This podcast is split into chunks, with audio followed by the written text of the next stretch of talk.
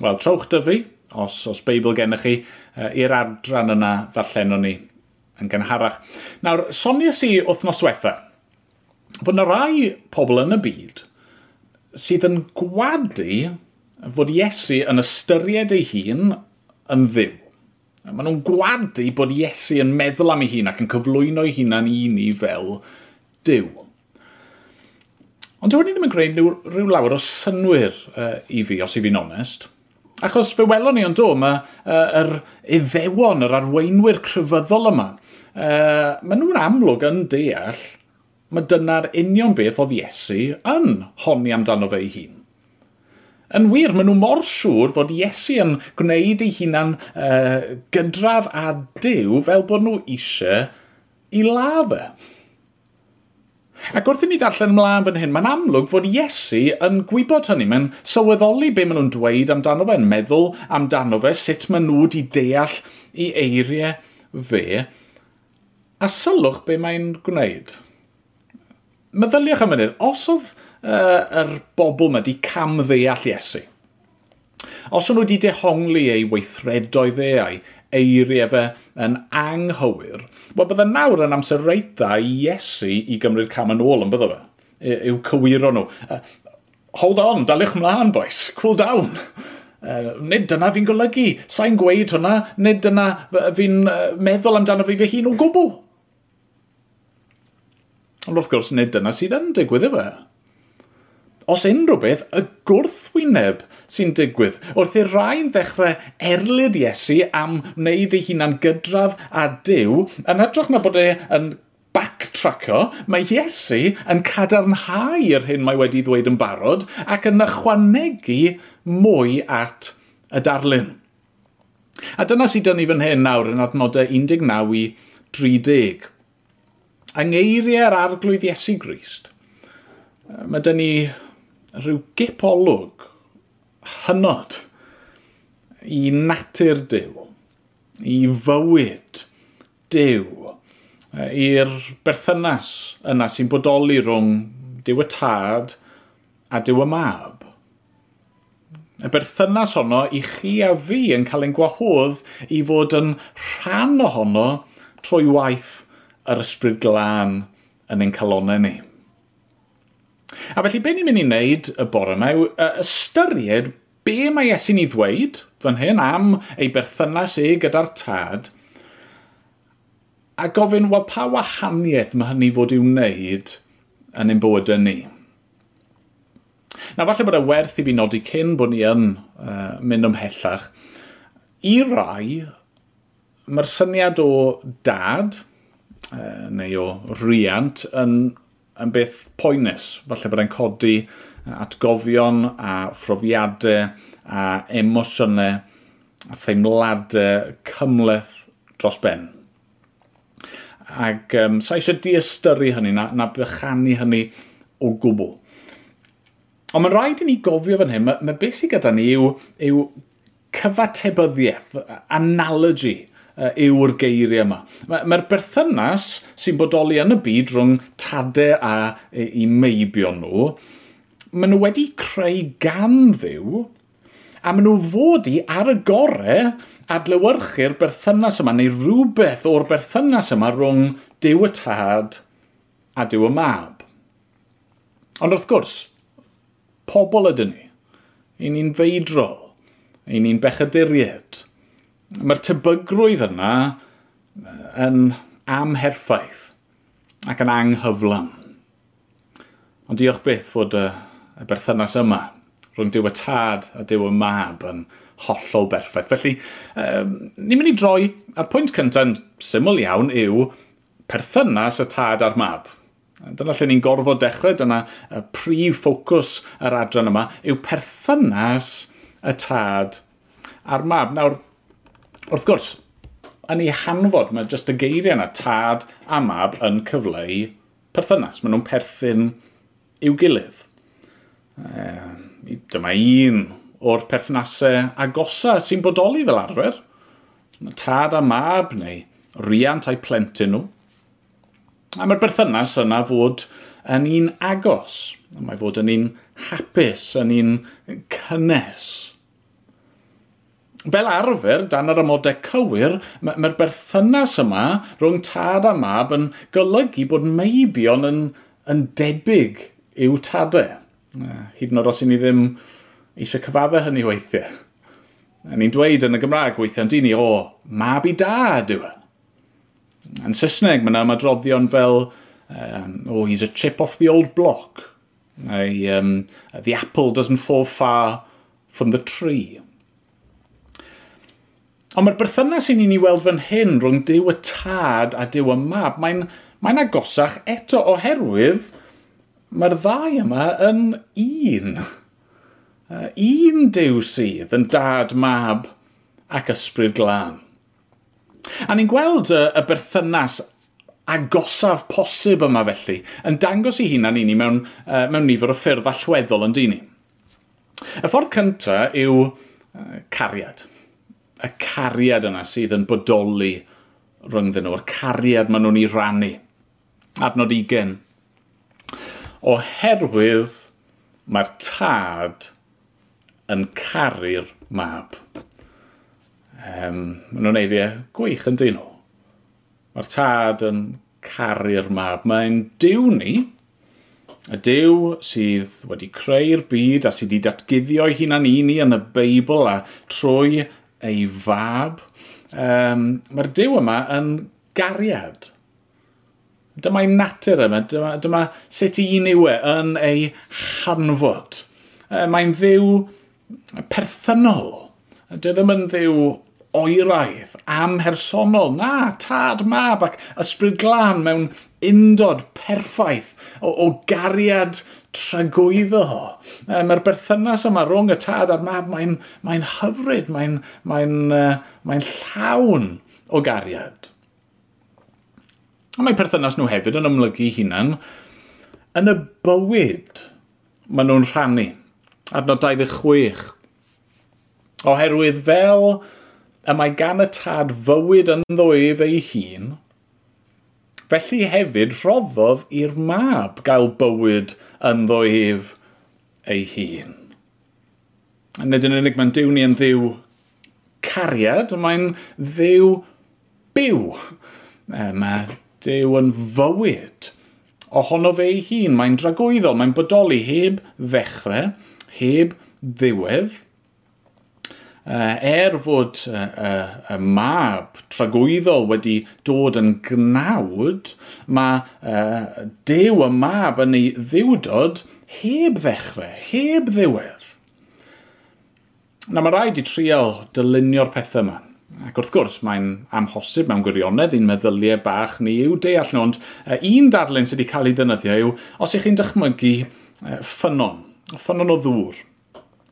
Ac um, Mae gennych chi llygad y ffynon yn does ac yna'r tarddiad o'r dŵr a a'r dŵr wedyn yn llifo allan yn dydy ac um, tysach chi'n gallu dychmygu ffynon sydd yn dragwyddol.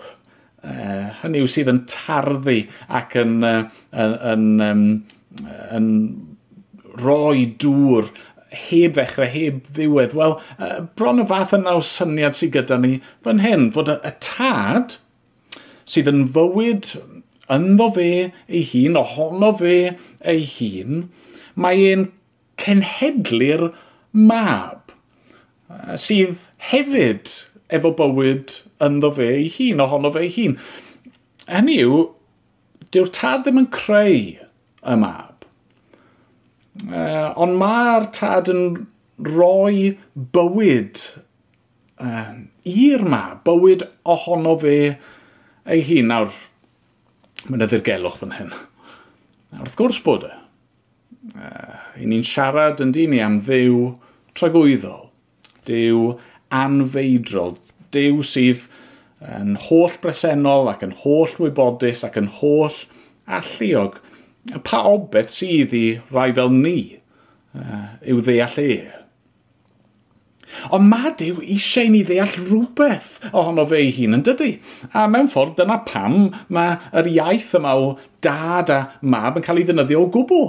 Achos mae e eisiau i ni i, i, i weld ac i ddeall rhywbeth o sut mae'r tad a'r mab yn, yn, yn, yn perthyn ac yn, yn caru ac yn byw e, yn ei gilydd. Pan mae Iesu'n cyfeirio at fy nhad, mae'n gwneud hynny mewn ffordd unigryw. Ond wrth i Iesu gyfeirio ato fe fel fy nhad, ac wrth i Iesu uh, ein croesawu ni ato fe i ddod i berthynas, uh, mae'n caniatau i ni alw Dyw yn dad i ni hefyd oherwydd y cariad a'r bywyd sydd yn bodoli rhwng y tad a'r mab, mae'r cariad a'r bywyd yna'n gorlifo ac, um, ac i ni yn gallu uh, dod yn blant i ddiw. Ni'n gallu adnabod Dyw trwy ddatgyddiad ei ni yn y mab. A dyna'r unig ffordd. Does yna ddim ffordd arall i adnabod Dyw. Does yna ddim ffordd arall i gael perthynas a Dyw. Does yna ddim ffordd arall i brofi cariad Dyw, ond trwy y mab. O'n i bron a dewis carol arall i ni gannu uh, bore yma. Nes i benderfynu ymatal uh, yn y diwedd. Falle bod chi'n cofio'r garol um, o deiwch ffyddloniad. Um, Mae'r bennill wych yma yn uh, y garol. Gwir ddiw o wir ddiw. Llewyrch o lewyrch gwir ddyn a aned o'r forwy'n fair. Dyw cenedledig, ond nid gneithiredig. A ni, dyna pwy yw Iesu Grist. Ni methu deall yn, uh, yn llawn, ond fe yw'r gwir ddiw o ddiw. A fe yw'r llewyrch, goleini dew o lewyrch dew y tad. Um, fe yw'r dew sydd wedi genhedlu, ac eto heb i neithir, heb ei greu. Beth yn ymateb ni i'r dew yma? O deiwch ac addolon. O deiwch ac addolon. O deiwch ac addolon grist o'r nef. Felly dyna pryn crafu'r wyneb o berthynas y tad a'r mab ddau berson yma o'r Dryndod Fendiged, sydd gyda'r ysbryd glân yn rhannu o'r, or un natur dwyfol. Ond yna, ni'n gweld fod uh, y berthynas yma sy'n bodoli rhwngddyn nhw yn, yn arwain at waith. Maen nhw'n gweithio uh, mewn ffyrdd penodol. Dyma'r ail bwynt. Gwaith y tad a'r mab. Nawr chi'n gwybod, uh, wrth gwrs, oedd hi'n arfer be, uh, bod yn beth gyffredin iawn i um, feibio'n dilyn yn ôl troed uh, i tadau nhw a cymryd dros y gyrfa, cymryd dros yr, y busnes teuluol. Mae'n dal i fod yn wir weithiau uh, heddi. Ni'n siŵr bod lot ohoni wedi bod yn stuck uh, ar yr A47 dim tu ôl i lori Mansell Davis a'i fab. Ac wrth gwrs, allwch chi feddwl am fusnesau lleol i chi sydd wedi cael eu pasio lawr yn y teulu, um, hwn a hwn, a'i feibion neu a'i feibion a'i ferched ac yn y blaen. Uh, dwi falle ddim cweit mor wir i ni bellach, ond yn y cyfnod yma, uh, oedd e yn gyffredin iawn. Ni'n gwybod yn dyn ni fod uh, rai o ddisgyblion Iesu'n bysgotwyr, uh, fel oedd ei tad nhw, Ac um, tebyg yw fod hynny'n wir am Iesu hefyd, fod e wedi cael ei fagu uh, gan Joseph a Mair, a Joseph yn sair a felly oedd Iesu am, uh, wel, blynyddoedd cyntaf i fywyd e, yn dilyn yn y gwaith yna. Felly, dwi ddim yn syndod pa mae Iesu fan hyn yn dweud bod e, y mab, yn gwneud yr un gwaith a'i dad nefol adnod 19. Felly, atebodd Iesu hwy, yn wir yn wir rwy'n dweud wrthych, nid yw'r mab yn gallu gwneud dim ohono'i hun. Dim ond yr hyn mae'n gweld y tad yn ei wneud. Beth bynnag mae'r tad yn ei wneud, hyn y mae'r mab yntau yn ei wneud yr un modd. Oherwydd mae'r tad yn caru'r mab ac yn dangos iddo'r holl bethau yma ef ei hun yn ei gwneud. Ac fe ddengis iddo weithredoedd mwy na'r rhain i beri i chwi ryfeddu. Mae Iesu'n gweud y peth mwy anaturiol yw fod e fel y mab yn gwneud gwaith ei dad. Ac yn wir, dyna ni'n gweld, os ych chi'n darllen trwy'r efengylen, darllen am fywyd Iesu, dro ar ôl tro ni'n gweld Iesu yn gwneud pethau sydd ond yn bosib i ddew ei gwneud. Mae'r mab yn gwneud gwaith i dad. Ni wedi gweld enghraifft o hyn yn barod, nid o, e, troi dŵr yn wyn. Wel, pwy o'n dew sydd yn rhoi e, glaw yn ei droi, dyfu'r grawnwyn sydd yn cael ei droi yn y pen draw yn wyn? Mae, mae Iesu jyst yn gwneud gwaith i dad um, mewn ffordd gwirthio, rhyfeddol, ond yr un peth y mae dad yn ei wneud.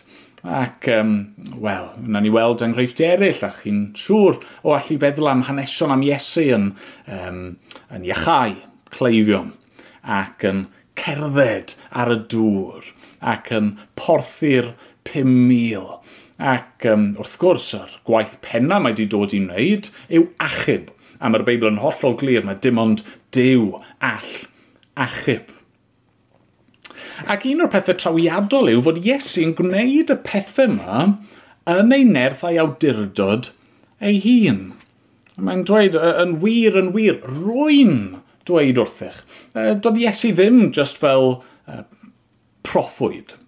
Oedd yn dod yn enw diw ac e, yn gwneud pethau trwy nerth diw. Mae Iesu'n gwneud y pethau hyn oherwydd mae fe yw diw. Nawr, peidiwch cam ddeall, um, dyw hynny ddim yn golygu fod Iesu uh, yn gweithio'n anibynnol ar ddiw. Uh, dyw e ddim mewn rhyw fath o gystadleuaeth gyda Dyw. Dydy'r tad ddim fel petai yn, yn roi'r baton i'r mab i gario ymlaen i redeg. Na, Na, maen nhw uh, yn undod perffaith o gariad y bywyd, a felly mae gwaith nhw i gyd uh, uh, uh, yn, uh, uh, yn cael ei wneud gyda'i gilydd. Adnod 30 nid rwyf fi'n gallu gwneud dim ohono fy hun, fel yr wyf yn clywed, felly yr wyf yn barnu. A mae fy marn i'n gyfiawn, oherwydd nid fy wyllus i fy hun yr wyf yn ei cheisio, ond y wyllus yr hwn am hanfono fi. Felly mae Iesu wedi dod i wneud gwaith, a mae'n sôn yn benodol fan hyn am ddau uh, math o waith arbennig yn dydy. Mae yna ddau beth amlwg sy'n cael sylw, sef rhoi bywyd, oherwydd pwy ond dew all rhoi bywyd, a barnu, oherwydd pwy ond dew sydd ar hawl i farnu. Felly roi bywyd te, adnod 21. Oherwydd fel y mae'r tad yn codi'r meirw ac yn rhoi bywyd iddynt, felly hefyd y mae'r mab yntau yn rhoi bywyd i'r sawl a fyn. Yn adnod 25. Yn wir, yn wir, rwy'n dweud wrthych fod amser yn dod, yn wir y mae yma eisoes, pan fydd y meirw yn clywed llais mab dew, a'r rhai sy'n clywed yn cael bywyd. Ac adnod 28, peidiwch ar ryfeddu at hyn, oherwydd mae amser yn dod pan fydd pawb sydd yn ei beddau yn clywed ei lais ef ac yn dod allan. Felly mae Iesu'n dweud fod e yn rhoi bywyd. Mae'n gallu codi y meirw yn fyw. Ac os o'ch chi'n talu sylw, byddwch chi'n ei gweld fod e, e yn gwneud hynny mewn dwy ffordd. Mae'n gwneud hynny ar, ar ddwy adeg wahanol. Gyntaf gyd, mae'n gwneud e yn y presennol. Mae'n dweud fod yr amser wedi dod, mae'r amser yma. I bobl marw clywed ei lais e a dod yn fyw. A be mae'n golygu wrth weid hynny yw fod yna bobl, bobl oedd yn gwrando ar y pryd, pobl fel chi a fi, pobl sydd ar hyn o bryd yn feirw yn eu camweddau a'u pechodau, pobl sydd wedi gwrthryfelan erbyn Dyw ac sydd yn bell oddi wrth Dyw a sydd fel cyrff marw yn methu gwneud dim byd i achub ei hun a newid i sefyllfa, ond wrth glywed i lais e, wrth glywed i lais e yn yr efengil, wrth glywed i lais e trwy y Beibl, wrth glywed i lais e trwy bregethu neu tystiolaeth e, ei bobl e. Mae y rhain sydd yn feirw yn dod i gredu. Maen nhw'n cael ei achub a maen nhw yn mynd o farwolaeth i fywyd. A mae Iesu'n dweud fod y Cristion yn meddu ar fywyd nawr. Os i chi wedi dod i gredu yn yr arglwydd Iesu Grist, dydy bywyd tragwyddo ddim yn rhywbeth sydd i ddod, mae'n rhywbeth i chi wedi ei dderbyn yn barod. A rhywbeth i chi yn dechrau i fwynhau heddi. Adnod 24. Yn wir, yn wir yn dweud wrthych fod y sawl sy'n gwrando ar fy ngair i, ac yn credu'r hwn am hanfonodd i, yn meddu ar fywyd tragwyddol. Mae'r gwaith yna wedi digwydd yno chi. Mae'ch bywyd chi yn ddiogel ynddo fi. Ond mae Iesu yn cyfeirio hefyd at, at gyfodiad arall yn dydy. Mae'n dweud fod yna awr yn dod – Yr awr yna pan fydd e yn dychwelyd ac wrth iddo fe ddod, uh, wrth sŵn i lais e, bydd y meirw yn codi. Uh, bydden nhw yn ymddangos o'i flaen, pob un. Ac bydd e'n casglu i bobl e i fod gyda fe, i fwynhau y bywyd tragwyddol yna maen nhw wedi dechrau arno yn barod. Ond bydd y gweddill yn codi i wynebu bar na, a dyma'r ail gwaith mawr mae Iesu'n sôn amdano fe fan hyn, fod e yn barnu. Adnod 22. Nid yw'r tad chwaith yn barnu neb, ond mae wedi rhoi pob hawl i farnu i'r mab. Adnod 27. Rhoddodd iddo hefyd awdurdod i weinyddu barn, a mae mab y dyn yw ef ac adnod 29. Bydd y rai a wnaeth ddaioni yn codi i fywyd. Y rhai a wnaeth rygion ni'n codi gael ei barnu. Nid oedd fi'n gallu gwneud dim ohono fy hun, fel yr oedd yn clywed, felly yr oedd yn barnu. Ac mae fy marn i yn gyfiawn, oherwydd nid fe wellus i fy hun yr oedd yn ei cheisio, ond e wellus yr hwn am hanfonodd i. Yr arglwydd Iesu'n dweud fan hyn fod e yn mynd i wneud yr hyn dim ond dew allu wneud, sef barnu a chosbi, drygioni. Yr arglwydd Iesu Grist, mab y dyn, yr mab tragwyddol faith yn faban bach. Fe yw'r un sydd wedi ei benodi i farnu'r byd i gyd. Mae wedi dod a mae e wedi cadw'r gyfraith yn berffaith. Mae e wedi uh, byw bywyd hollol berffaith, a mae e wedi rhoi fywydau yn aberth uh, fel bod unrhyw un yn gallu cael maddeiant pechodau, a mae e wedi esgyn uh, i'r nef, ond mae'n dychwelyd un dydd i farnu. Ac yn y dydd yna fe fydd e'n cosbi pob drygioni. Fydd e'n sicrhau cyfiawnder. Bydd y rai sydd wedi ymddwyn yn dda, yn gywir, wedi edifarhau a wedi credu ynddo fe, fydden nhw yn derbyn bywyd.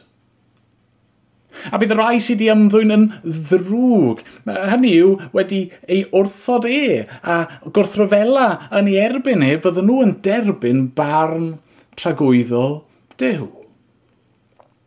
Wel, mae Iesu fan hyn yn amlwg yn dweud fod e uh, yn gwneud yr hyn dim ond dew allu wneud. Mae'n gallu roi bywyd ac yn gallu uh, barnu.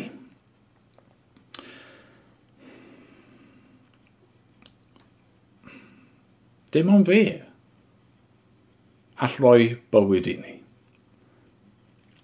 Fe yw'r un i ni'n mynd i orfod i wynebu rhyw ddydd a rhoi cyfrif iddo fe.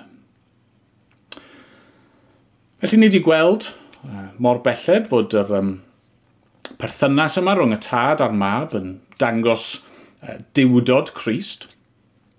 Ac uh, yna ni wedi gweld yn dyn i fod um, y berthynas yma yn arwain at uh, waith penodol. Mae Iesu, y, y mab, yn gwneud pethau um, dim ond dew allu gwneud. A felly unwaith eto, wrth i ni ddod i'n pwynt ola ni, i ni'n gorfod gofyn, wel, sydd ni'n ymateb uh, i hyn? A'r pwynt ola sydd yn ni yw anrhydedd y tad a'r mab. Anrhydedd y tad a'r mab. Pan ni'n meddwl am uh, tadau a'i meibion, uh, rieni a'i plant, mae'n beth ddigon cyffredin yn dydy i weld plentyn yn derbyn anrhydedd oherwydd pwy yw i rieni nhw. Um, Mi'n siŵr, os ych chi wedi bod i faes y steddfod uh, erioed, uh, di cwrdd ar rhywun, uh, bod rhywun di gofyn cwestiwn fel oh, pwy yw dy rieni di? Pwy yw dy fam a dy dad di?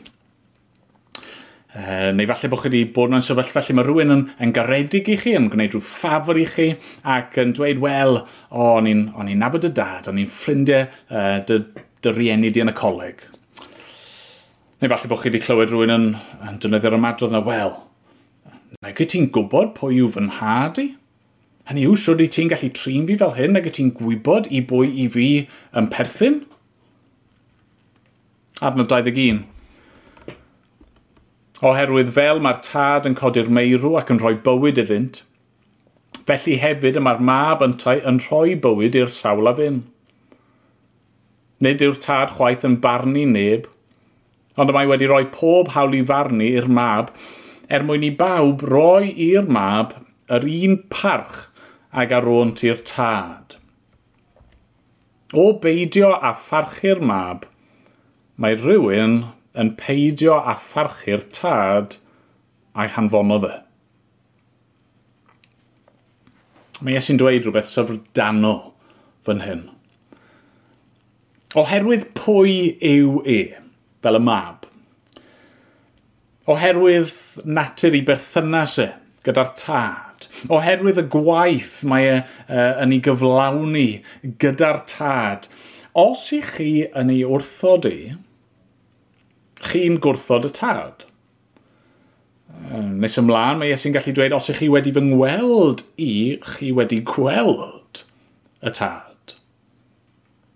Fan hyn, os ych chi yn fy amharchu i, chi'n amharchu y tad.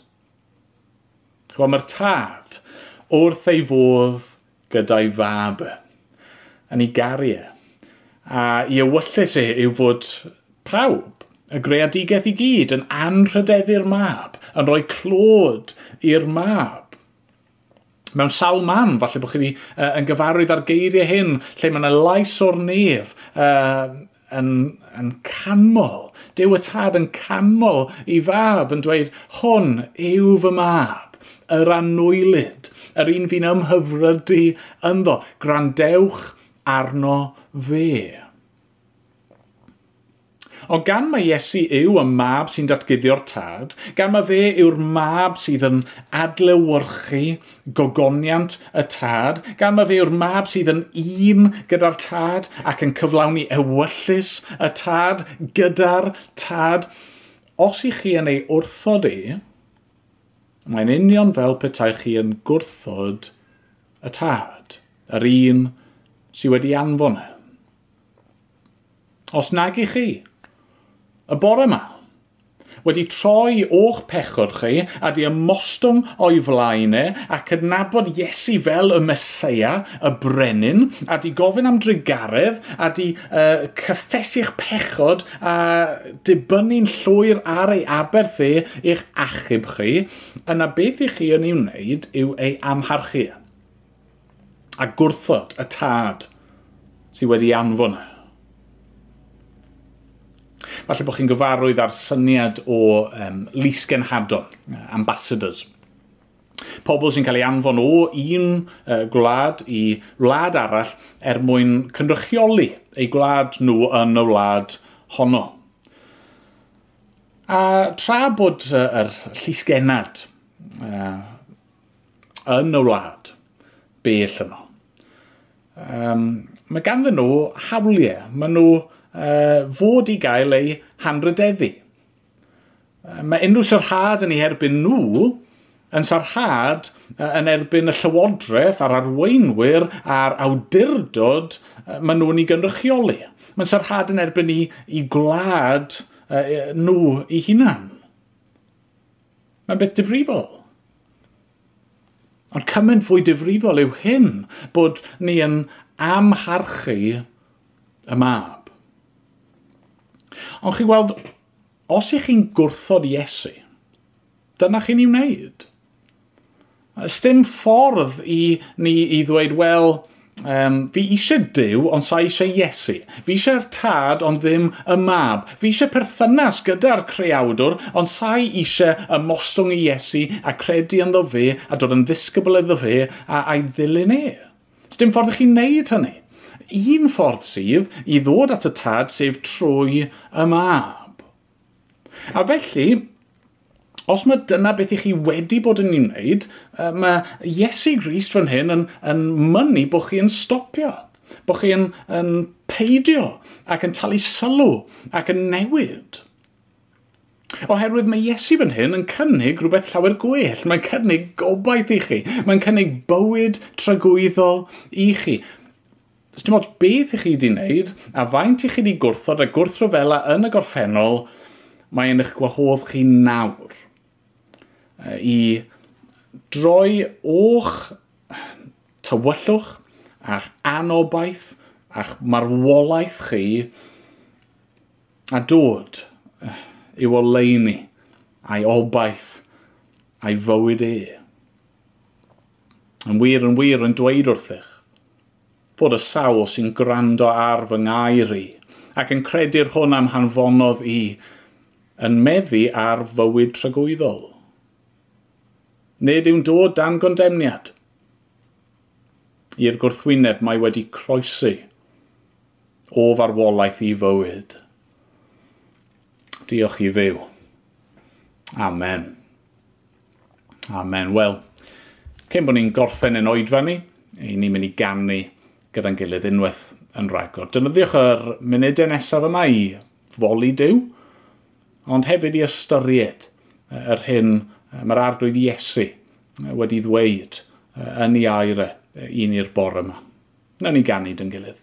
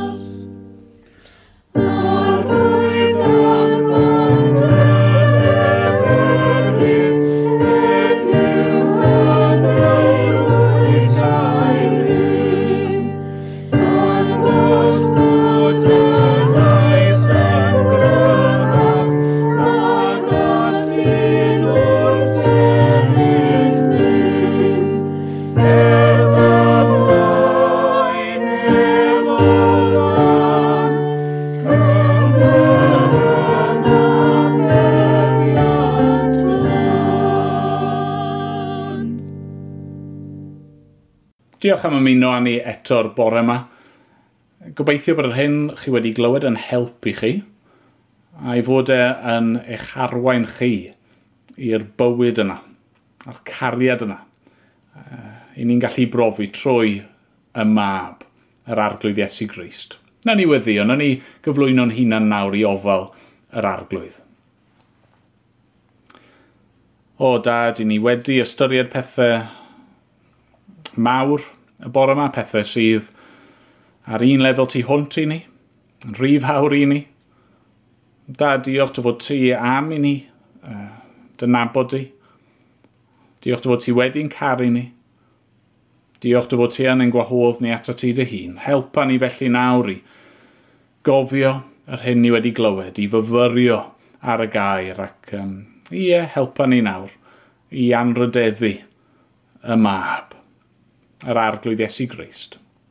Da'r clyw yn gweddi ni nawr a bydd gyda ni. A mynd bod ni'n gofyn yn ei enw a'i heiddiant e. Amen. Amen.